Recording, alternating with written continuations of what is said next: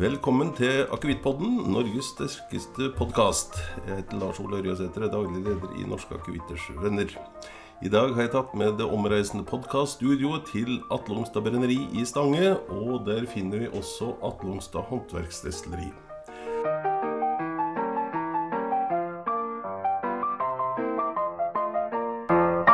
På destilleriet der finner vi blant andre Halvor Høek. Han trenger kanskje ikke så stor presentasjon, men har jo da vært nestor i Akevitt-Norge i eh, rimelig mange år. Fra 1986, da han starta i Vinmonopolet. Med seg så har han også sønnen Rasmus. Rasmus er ikke med oss i dag, men vi har med oss daglig leder, som heter Romain Jourda. Og på aksenten så høres det ut som du kommer fra et sted der konjakk kanskje er litt mer populært enn akevitt. Så hvorfor og hvordan havna du oppi dette her, Romé? Ja, mener du at jeg har en aksent? Skjønner ikke. ja, dessverre. Så ja, jeg er 45 år, eh, men jeg har faktisk jo bodd like lenge i Norge som i Frankrike. Aksenten blir ikke helt borte, dessverre, men håper jeg at jeg blir forstått av lytterne. Uh, nei, det er nok uh, kjærlighet som har uh, gjort at jeg er fortsatt her i Norge i dag. kjærlighet for det norske brennevinet, selvfølgelig. ja, for du, du, har litt bakgrunn fra annet også i brennevinsbransjen? Ja, absolutt. Jeg har jobbet i Vinover brennevin siden 2004, så ja, 16-17 år. jobbet stort sett med import av premiummerkevare type konjakk, da. Eh, kan nevne Hennessy, Rémy Martin, nylig Bråstad. da. Eh, men også ganske mye med whisky. Ja, det var faktisk da vi ble kjent. Eh, med besøk på Macallan og Highland Park. Og jobbet litt mer av Freud også. Og Famous Grouse. Men eh, nå har jeg sett lyset. Eh, og det er akevitten som er det store. Ja, eh, før vi går liksom inn på eh, produkter og hvordan dere produserer på Atlongstad håndverksdestilleri, så Halvor eh, Atlongstad brenneri det er jo ikke akkurat noe som var bygd i går. Nei, det kan man jo påstå. Det, det er vel egentlig en tilfeldighet at det nesten eksisterer nå som et, et brenneri som fortsatt brenner potetsprit, og som vi også da har etablert oss i. Eh, det var egentlig en tilfeldighet. Eh, vi har jo, som du sikkert kjenner til, flyttet fra Hasle opp til Gjelleråsen. Og da var eh, tidligere riksantikvar Jørn Holme veldig interessert i å, besøke Hasle for å se hvordan den akevittproduksjonen foregikk der. Og han hadde med seg da en del av sine, sine venner og kulturinteresserte, så jeg la ut en stor presentasjon på selve bygget, som i seg selv var et, et ganske fenomenalt bygg. Eh, og eh, det ble da til at eh, han ønsket også å se noen bilder, og virkelig gå inn i dybden på dette. Og da tenkte jeg sånn at ja, ja, jeg er jo klar over at det er ett norsk potetspritbrenneri igjen. Så jeg tenkte som så at det hadde vært utrolig trivelig om vi kunne klare å redde det siste. Så jeg la inn noen bilder på slutten av da Atlungstad brenneri, som var i ferd egentlig med å forfalle. Eh, og Grunnen til det var rett og slett at uh, Hoff på Gjøvik de hadde et ønske om å ha et reservebrenneri i tilfelle de skulle få driftsstopp. Så de kjørte da dette brenneriet uh, en gang om året, en gang hvert annet år innimellom, for nettopp å holde det levende i live, slik at det kunne startes opp igjen. Men eh, som noen er klar over, så måtte jo um, eller Vinmonopolet, Arcus eh, Vi satt jo egentlig med et eh, stort rektifikasjonsanlegg på Hamar. Men, men etter hvert så, så, begynte folket der oppe å nå pensjonistalderen, og så ønsket man ikke da å, å, å, beholde det videre, så man gikk sammen med Hoff for å da kunne lage et nytt brennerianlegg på Gjøvik. Og da ble alt lagt ned? Og da var det ikke behov for et reservebrenneri. Og da var det Atlungstad Golf som tok over stort sett lokalene, men de leide bare lokaler for å ha et sted å ha golfkøller og garderobeskap og en del andre ting, og litt uh, aktiviteter. Så, så, bygget begynte å forfalle. Så vi fikk noe lurt Jørn Holme opp der. Og jeg var litt engstelig, da, for du vet jo aldri liksom Riksantikvar, du tenker gamle stabbur og laftede ting og mye annet rart, men han falt jo pladask for dette. Det jeg var mest redd for, var jo golfklubben ved siden av. Jeg tenkte sånn, altså Riksantikvar og golf, er det liksom en kombinasjon som er noe særlig gunstig? Men det var jo helt topp, for da kom det masse folk der. Så det endte jo da opp med at uh, vi fikk uh, og har fått uh, veldig mange millioner kroner fra Riksantikvaren for å sette bygget i stand. Og så har vi en venneforening der oppe som gjør en utrolig fin jobb.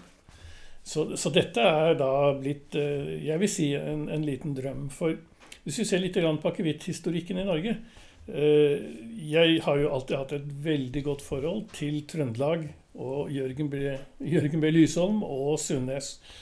Eh, men det er egentlig lite igjen der oppe hvor man kunne lage dette fyrtårnet for norsk akevitt. Fordi det var jo en kombinasjon av Sunes brenneri på en tid, og så var det Lysholms destillasjon i Trondheim etc. Men der hadde det ikke vært mulig å bygge noe. Men Atle Ongstad, eh, det var nedlagt og noen få år, og så kom Riksantikvaren inn i bildet. Og så nå, det, nå, brennes det poteter der igjen. Ja, og det var en del av ønske, de ønskene han hadde. Det var jo at dette skulle være et levende brenneri. For at en del av disse industrimuseene som vi har rundt omkring, de, de, de står stille. Det, det skjer ingenting. Og da er det veldig vanskelig å få noe økonomi i disse tingene også. Så, så, så, her hadde du alle muligheter til å kunne få et anlegg som også kunne drifte seg selv uten å være nødt til å be om penger hele tiden. Men, men når kom ideen om at en skulle også lage et uh, destilleri der? For én uh, ting er å lage råsprit, den må jo helst over til Gjøvik og bli rektifisert. Og så går den videre i produksjon. Men så kom altså ideen om å lage et håndverksdestilleri. Ja, og det er vel også en del av det hele uh, som jeg har ja, til primus motor for. da. Mm.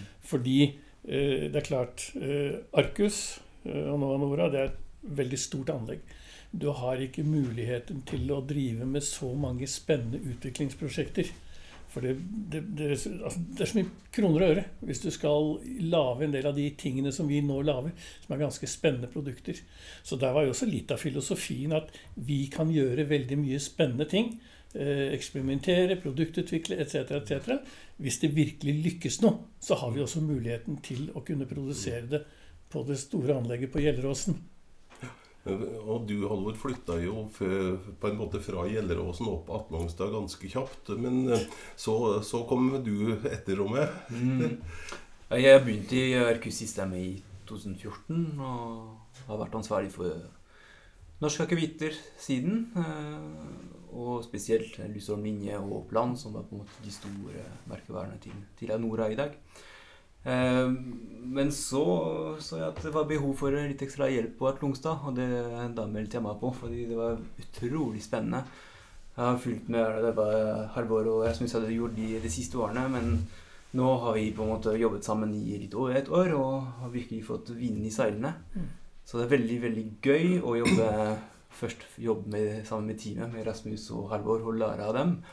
Eh, men også få jobbe med disse på en nisjeprodukter. Og det, det, er ikke noe tvil om på at eh, vi er fornøyd med å lage en batch med 1000 liter. Det er eh, peanuts for andre store produsenter, men for oss så er det, så er det stort. Og vei, det er veldig kort vei fra selve ideen til produksjonen. Vi kan lage et nytt produkt fra, et nytt, idé på, på tre måneder hvis vi virkelig ønsker det. Eh, så istedenfor å bruke hundretusener på eh, markedsundersøkelser, så gjør vi heller det og se om det fungerer eller ikke. Så Det er veldig spennende tankeprosesser. For det som, det som, også var ganske spesielt med Atlungstad brenneri, det var jo at uh, de var ikke av de første. Det var jo Løiten uh, brenneri, altså destillasjonen i Kristiania. Det var jo Løvli som egentlig dro i gang veldig mye. Og så kom jo da Holmen og Oppland, opplandsk etter hvert. Men det som skjedde i Stangeområdet, det var jo at det var jo Atlungstad brenneri som virkelig ble det store. Og, og, den store endringen kom lett før Vinmonopolet tok over det hele. I, i 1882 så, så, installerte de jo et ganske avansert uh, rektifikasjonsapparat for spritproduksjon. For spriten før den tiden, den var egentlig solgt som som sprit og råsprit. Og det var jo også en av grunnene til at de på Gjøvik sa det at å, Se hvor uh, suksessrik eh, Løvli er med destillasjonen og foredlingen i Kristiania. Vi må gjøre det samme. Så de kom jo inn for det. Å sitte da og fortsette å brenne sprit med dårlige apparater og selge det som råsprit som vi da kaller det, det hadde ikke vært liv laga. Så i 1882 så sendte de sågar en prøve av den spriten som kom ut fra det første store rektifikasjonsapparatet som de da kjøpte, inn til en Tobiassen i Kristiania, og fikk da en bevis på at den nå var fuselfri. Og Det er jo litt morsomt, for det var jo her, og det ser du på akevittetiketter, så ser du på veldig mange av de gamle at det står 'fuselfri'. Ja. For det var liksom det, Nå lager de god sprit. Det var liksom finsprit, mens uh, før den tid så var det veldig mye dårlig sprit. Så kan, kan jeg putte inn det at det akkurat uh, dukka opp ei bok som heter 'Atlungstad brenner vi for'. Der mye av den historikken og ja, nesten kriminalhistorie og litt forskjellig som uh, dukker opp. Så det, ja, for det Per Harald Grue har ja. jo gjort en kjempejobb med den ja. boken. Så det er virkelig morsomt. Men det som også da var litt morsomt, det var jo at de satt jo da på Stange eh, på Atlungstad, og så så de inn på hvor, hvor, hvor bra det gikk for de andre som da videreforedlet. Og da kom jo spørsmålet opp. Hva skal vi da lage for at vi også da lettere skal få solgt det? For det å bare selge sprit, det er, gir ikke så mye penger. Og da kom de plutselig inn med nye produkter. Da hadde de akevitt nummer én, akevitt nummer to, akevitt nummer tre. Og forskjellen der var egentlig alkoholstyrken.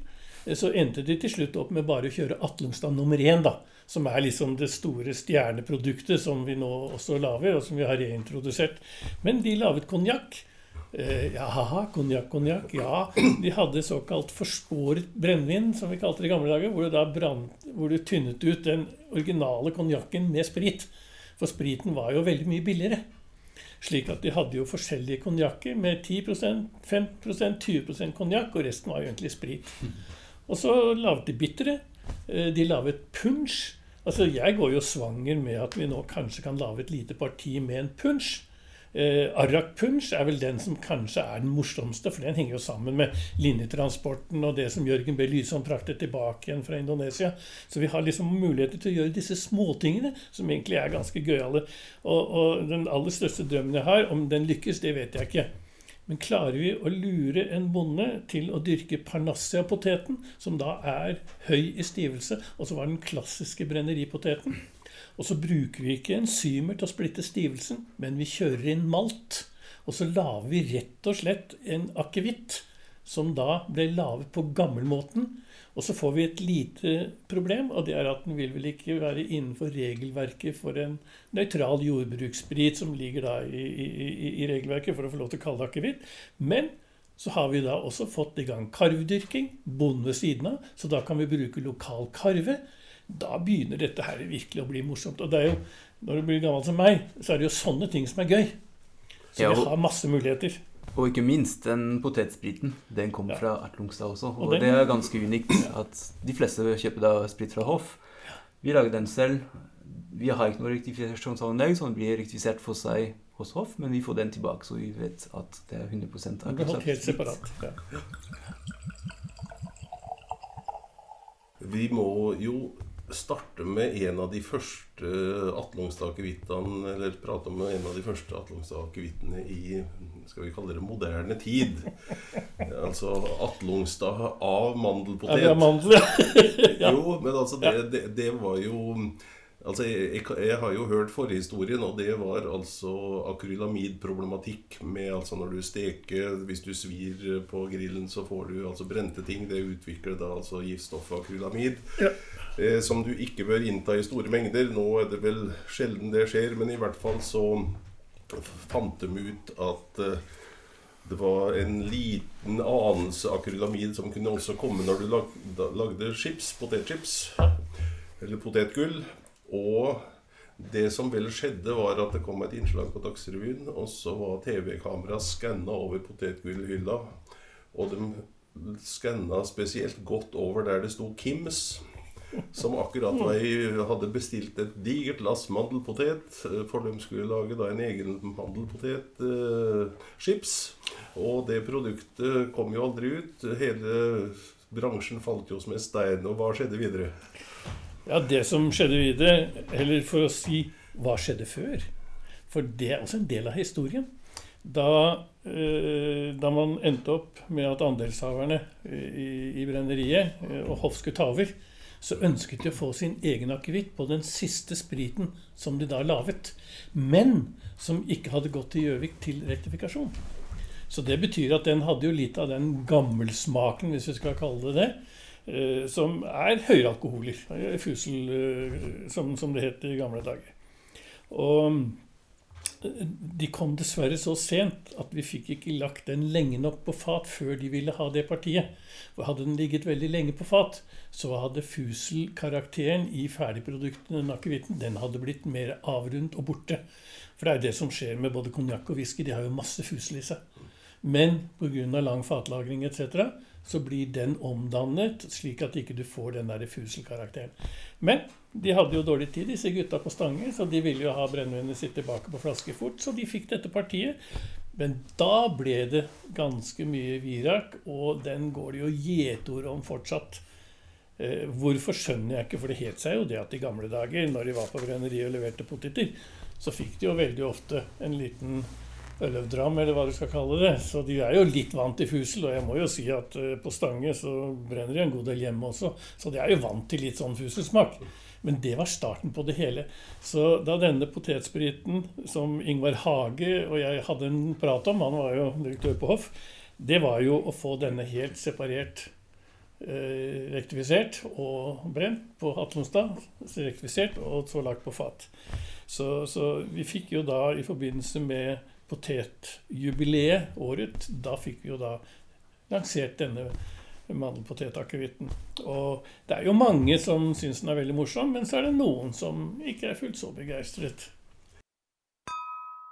Men um, hvis vi hopper litt fram i tid, så har dere jo da eh, Dere har produsert Atlungstad taffelakevitt og mange andre, og en hel del småskalaprodukter. Men så har dere også produsert tre forskjellige akevitter uten frontetikett. Der eh, hvermannsen kan kjøpe flasker på polet, eller Vinmonopolet, og, og så lage sin egen eh, etikett på en nettside, og så kommer den i posten. Har det her vært vært noe suksess? Jeg kan fortelle litt om det. Vi, eh, først vil jeg si at vi, vi gjør ganske mange prosjekter på oppdrag. da, type Interessegrupper eller bedrifter som ønsker å ha sin egen akevitt. Og det er greit nok når det er 500 flasker og oppover. Det er på en måte en relativt enkel prosess for oss. Men det er også noen som vil ha 10-50 flasker. Og de er ikke helt klar over på at eh, det er jo en del oppstartskostnader som er eh, faste. Og da havner fort, fort en flaske på ja, 800 000 kroner per, stykk hvis man eh, skal produsere det hos oss. Eh, så vi kom med ideen om å heller lage tre gode produkter, tre forskjellige blend, eh, som er faste, men hvor man kan skreddersy selv etiketten. Og da, og da har du fått bryllupsakevitt og tubaakevitt og hytteakevitt og Vi har fått så mange, og vi har fått noen til og med jeg har sensurert fordi det er noen som ikke var passende. Men, eh, Ja, vi står jo som avsendere. Ja, ikke sant? men eh, ja, de har, de har vært veldig populære. Og det er klart at det har ikke vi, vi får ikke lov til å markedsføre produkter i Norge, så det tar litt tid. Men jeg ser at nå har vi avansert det for et år siden. Og nå til jul er det mange som har bestilt det som julegave, så det er veldig hyggelig for oss, da. Men i grunn, det, og, og det er også en felles for alle våre produkter, vi ønsker å ha høy kvalitet på produktene våre. Det, det skal jeg si. Så du har din egen etikett, men det skal også smake godt. Ellers så blir ikke kunden fornøyd. Du nevnte jul, og der er det jo et stikkord. Før jul hvert år så har jo alle publikasjoner med respekt for seg sjøl, de har jo en juleakevittest. Og eh, jeg skal ikke si hvor det var, men her om dagen så fikk eh, Atlungstad mm, en Atlungstad-akevitt terningkast én. Eh, og hva er grunnen til at du får så lav score? Eh, det her var altså en eh, helt spesiell eh, akevitt tilpassa lutefisk. Og du sa jo med at dere holder høy kvalitet, og så får dere da altså terningkast 1. Kan dere Ja, nei, altså, jeg har jo, jeg har jo, I og med at jeg har vært i Vinmonopol, eller var i Vinmonopol fra 86 og fremover, da jeg begynte å lage juleakevitten i 88, så, så, så var det jo slik at det var jo alltid journalistprøving på vin på representasjonsrommet på Hasle. Eh, og etter at jeg hadde da prøvd en 30-40-50 viner, så sto det til slutt da julakevitten som jeg hadde laget hvert år, årganger. Og det er klart at eh, når folk har sittet og prøvet vin eh, og så mye vin. Og da på slutten, før de skal gå ut, skal de da smake på en eh, eventuelt én akevitt tatt ut av sin sammenheng. Så blir det veldig vanskelig. Så den endte alltid opp med sånn fire eller fem. ikke sant? De turte ikke gi seks, og de turte ikke gi én, ikke sant? Terningkast. Så da ble det liksom Og det er altså helt umulig å ha en objektiv, god vurdering av kvaliteten på en akevitt. Da måtte man i hvert fall ha satt ved siden av eh, noen av de kjente merkene som Løiten og Oppland, eh, Lysholm etc. Men, eh, og jeg merket også veldig godt da jeg begynte med matakevittene på Vinmonopolet. fordi at det som var min største utfordring, det var jo at jeg kom til et selskap hvor det var Drakk du konjakk eller whisky, da var du dannet. For da drakk du med måte. Drakk du akevitt eller vodka, da drakk du for å bli full primært. Slik at Vinmonopolet gjorde jo ingenting for akevitt siden de da begynte å produsere i 1929, og frem til egentlig jeg begynte så skjedde det ingenting med akevitt, for de var ikke interessert i det. De ønsket at folk skulle drikke vin, fordi da fikk du redusert alkoholforbruket. Sånn at uh, dette ble jo da litt problematisk. Folk hadde dårlige glass, fryser, shotting. Visste ikke hvor mye de hadde drukket i løpet av et julebord, og datt om kull. Det var veldig lite på. Og hvordan det smakte, det brydde de seg ikke så veldig mye om. Så da var snakk om få den ut av fryseren, få den ut i ordentlige glass, og se Folk velger sin vin ut fra da de skal spise. Det må de også gjøre på øl. Heldigvis nå så har vi fått pilsen litt vekk, at man får andre øltyper som passer mye bedre til mat. Da kan man plutselig begynne å se på ja, hvilken akevitt og hva slags smak har den, og hva slags mat passer den til. Og da begynte dette her å bli ganske mye mer interessant. Så når du da drar ut f.eks. den siste som vi laget i samarbeid med Værøy og, og Brødrene Berg og miljøet der oppe, så, så, så, så, spilte jeg jo veldig naturlig inn. Eh, det hadde vært veldig gøy å lage en med tørrfisk, jeg har jo laget en akevitt for Bodø. Eh, og eh, akevittklubben der oppe, som, som er en kystakevitt med syv tangsorter. Da har du følelsen at du beveger deg liksom Når du skal ha kyst, så skal du ha litt tang og tare. Når du skal til være tørrfisk, lutefisk, da skal du litt grann tørrfisk. Så, så, så, vi ble jo veldig fort enige om at det hadde vært veldig spennende å lage en akevitt som da passer til et lutefiskmåltid.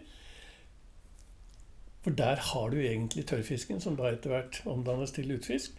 Og da har du en kombinasjon og en match. Så det var den her som da fikk eh, skral score. Og skal, skal vi eh, antyde at grunnen er at den var på en måte ja, hva skal vi si, tatt ut av sammenhengen. Helt ut av en sammenheng. Burde vært ja. servert med lutefisk. Ja.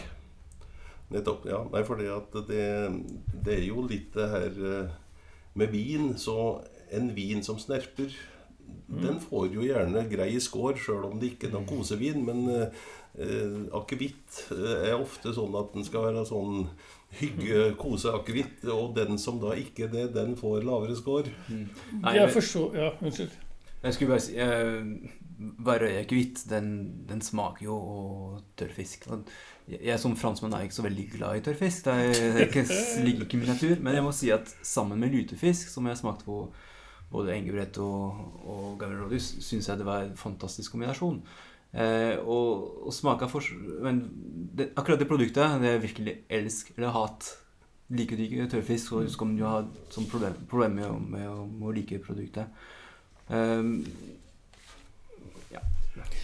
men, men det, det, jeg også skulle si, da, det er klart at jeg har jo, jeg har jo hatt gleden av å oppleve Roar Dege. Eh, som dessverre nå er borte. Eh, og vi hadde jo mange diskusjoner om å lage veldig mye spennende akevitter. Eh, og jeg vil jo si at det var, det var jo en kreativitet som lå der. Men det lå alltid i bunnen en seriøsitet også. Slik at når du lager et produkt, så må man ikke gå helt av skaftet. Altså Hvis man går helt tilbake til signaturlæren eh, og, og, liksom skal ut i naturen og finne alt mellom himmel og jord, så har jo jeg ferdig med den fasen, for den begynte jeg med ganske tidlig. Men Gud hjelpe meg hvor mye jeg fant ute i naturen som smakte helt jævlig. Men nå føler jeg liksom at nå er vi tilbake dit igjen. Eh, og da blir situasjonen den at når du tar noe som da smaker jævlig, da bruker du tre dråper. Og så bruker du det egentlig til å markedsføre at ja, den er det det og det og det i. Og, og, det er klart at vi har ikke gått så langt at vi har dratt inn dyreriket. Det er jeg ferdig med, for det gjorde jeg for, eh, for um, med å lage en uh, værballakevitt, f.eks. For, for, uh, for uh, Aga oppe på Geilo. Uh, jeg har laget en rypekrossbitte for Arne Brimi. Altså jeg har laget utrolig mange forskjellige ting. Mm. Men nå føler jeg at vi på Atlonstad vi skal være seriøse. Men kanskje noen sånne utstikkere som kanskje en lutefiskakevitt får være med litt grann mm. tørrfisk. Altså, det, det, er lov å gjøre litt grann sånn, men man må ikke hele tiden satse på at det viktigste med en akevittflaske er hvordan etiketten ser ut, hva mye rart du har gjort, hvor tullete du kan finne på for at folk skal liksom kjøpe dette her. For det tror jeg er veldig kortsiktig. Eh, det, det blir borte. Eh, og jeg tror vel egentlig at når tiden har gått, og vi har fått veldig mye rare greier inn på polet som kalles akevitt, så vil vi komme tilbake igjen til de klassiske merkene. Da tror jeg folk kan bli litt leie, og jeg tror jeg ser det samme på gin. Eh, jeg har sagt mange ganger til folk som jobber i denne bransjen, at jeg syns det er imponerende hvor mye skotsk whisky og hvor mye konjakk har klart å holde seriøsiteten i produktene sine. Mm. Eh, det var sånn med vodka. Jeg har jo sittet i disse internasjonale panelene og vurdert vodka. Og vodka skulle i utgangspunktet være, være en sprit eh, som kommer ut av et rektifikasjonsapparat som skal tynnes ned til drikkestyrke. Fordi at du har små endringer, men det er ikke de store endringene. Og så merket du jo veldig fort i det panelet at folk begynte å tilsette litt sitrus, litt forskjellige andre ting. Og da ble problemstillingen hvilken kategori er dette? For da er det plutselig ikke det som vodka egentlig skal være. Ok, Så etablerte de i EU en flavored vodka. Og da kommer sitronvodka, da kommer peppervodka, da kommer alle disse andre vodkaene. Men ser du, ser du det utviklingen der du får det samme på gin og akevitt? Nå ser jeg på gin. Det er så jævlig mye unnskyld uttrykket, som lages som er så tullete.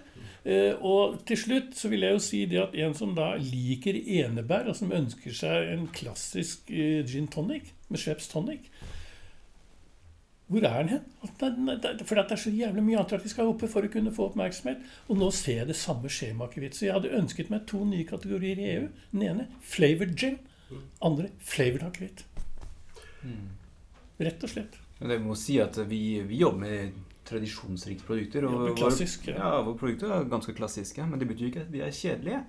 Og vi, ser at vi har kanskje 20 produkter sånn mer eller mindre i vårt portfølje i dag. Mm, mm. Og alle smaker litt forskjellig. Det er ikke bare en ensidig akevitt med fatlagring og karve, men alle har på en måte en litt liten særpreg. Og det, det, er det som karakteriserer oss i dag, tror jeg. Og det som du nevnte tidligere, vi er veldig interessert i lokale produkter. Eh, vi har nå karvedyrking ved siden av. Eh, jeg kjenner Arnt Harald Stange. Han har jo dyrket for oss eh, grønn koriander. Altså vi klarer å skaffe de norske tingene. Og det syns jeg er ganske morsomt. Vi har jo vært på museet på Gjøvik og, og, plukket eh, spansk kjørvel. Eh, vi er ute i naturen og, kjøper, og plukker Porsche. Altså vi bruker veldig mye norske ting. Men eh, som sagt, det er, det er ikke alt du finner i naturen som smaker like godt. Mm. Vi er i ferd med å avrunde, men en liten sak til slutt. Altså, Atlongstad håndverksdestilleri er jo heleid av eh, Anora, tidligere Arcus. Eh, hvordan er det å så, hva skal vi si, eh, konkurrere mot morselskapet? fordi at de er jo kanskje en konkurrent på noen produkter, sjøl om dere kjører småskala. og det Gjelleråsen kjører storskala, så er det kanskje litt konkurranse. Er, det helt greit? Funker, fungerer bra? Nei, jeg vil si at jeg, jeg, kaller dem ofte som hyggelige konkurrenter. Vi har et veldig bra forhold med de som jobber i Nora, og jeg tror det er gjensidig. Men det er klart at på tender på Vinopolet og andre kunder, så, så, konkurrerer vi.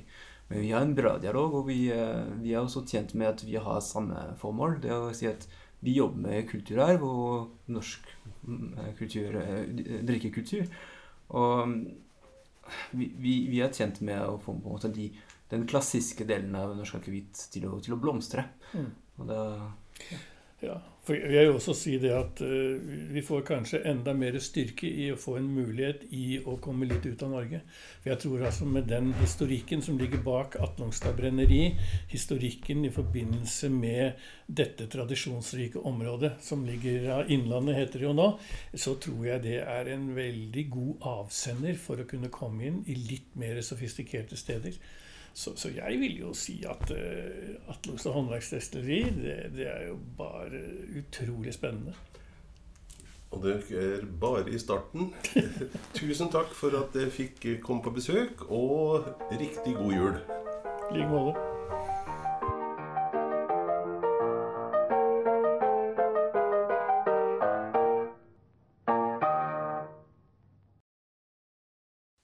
Det er Norske Akevitters venner som lager denne podkasten. Hvis du har spørsmål eller tilbakemeldinger, så vil vi veldig gjerne høre fra deg. Send en e-post til post alfakrøll norsk-akevitt.org.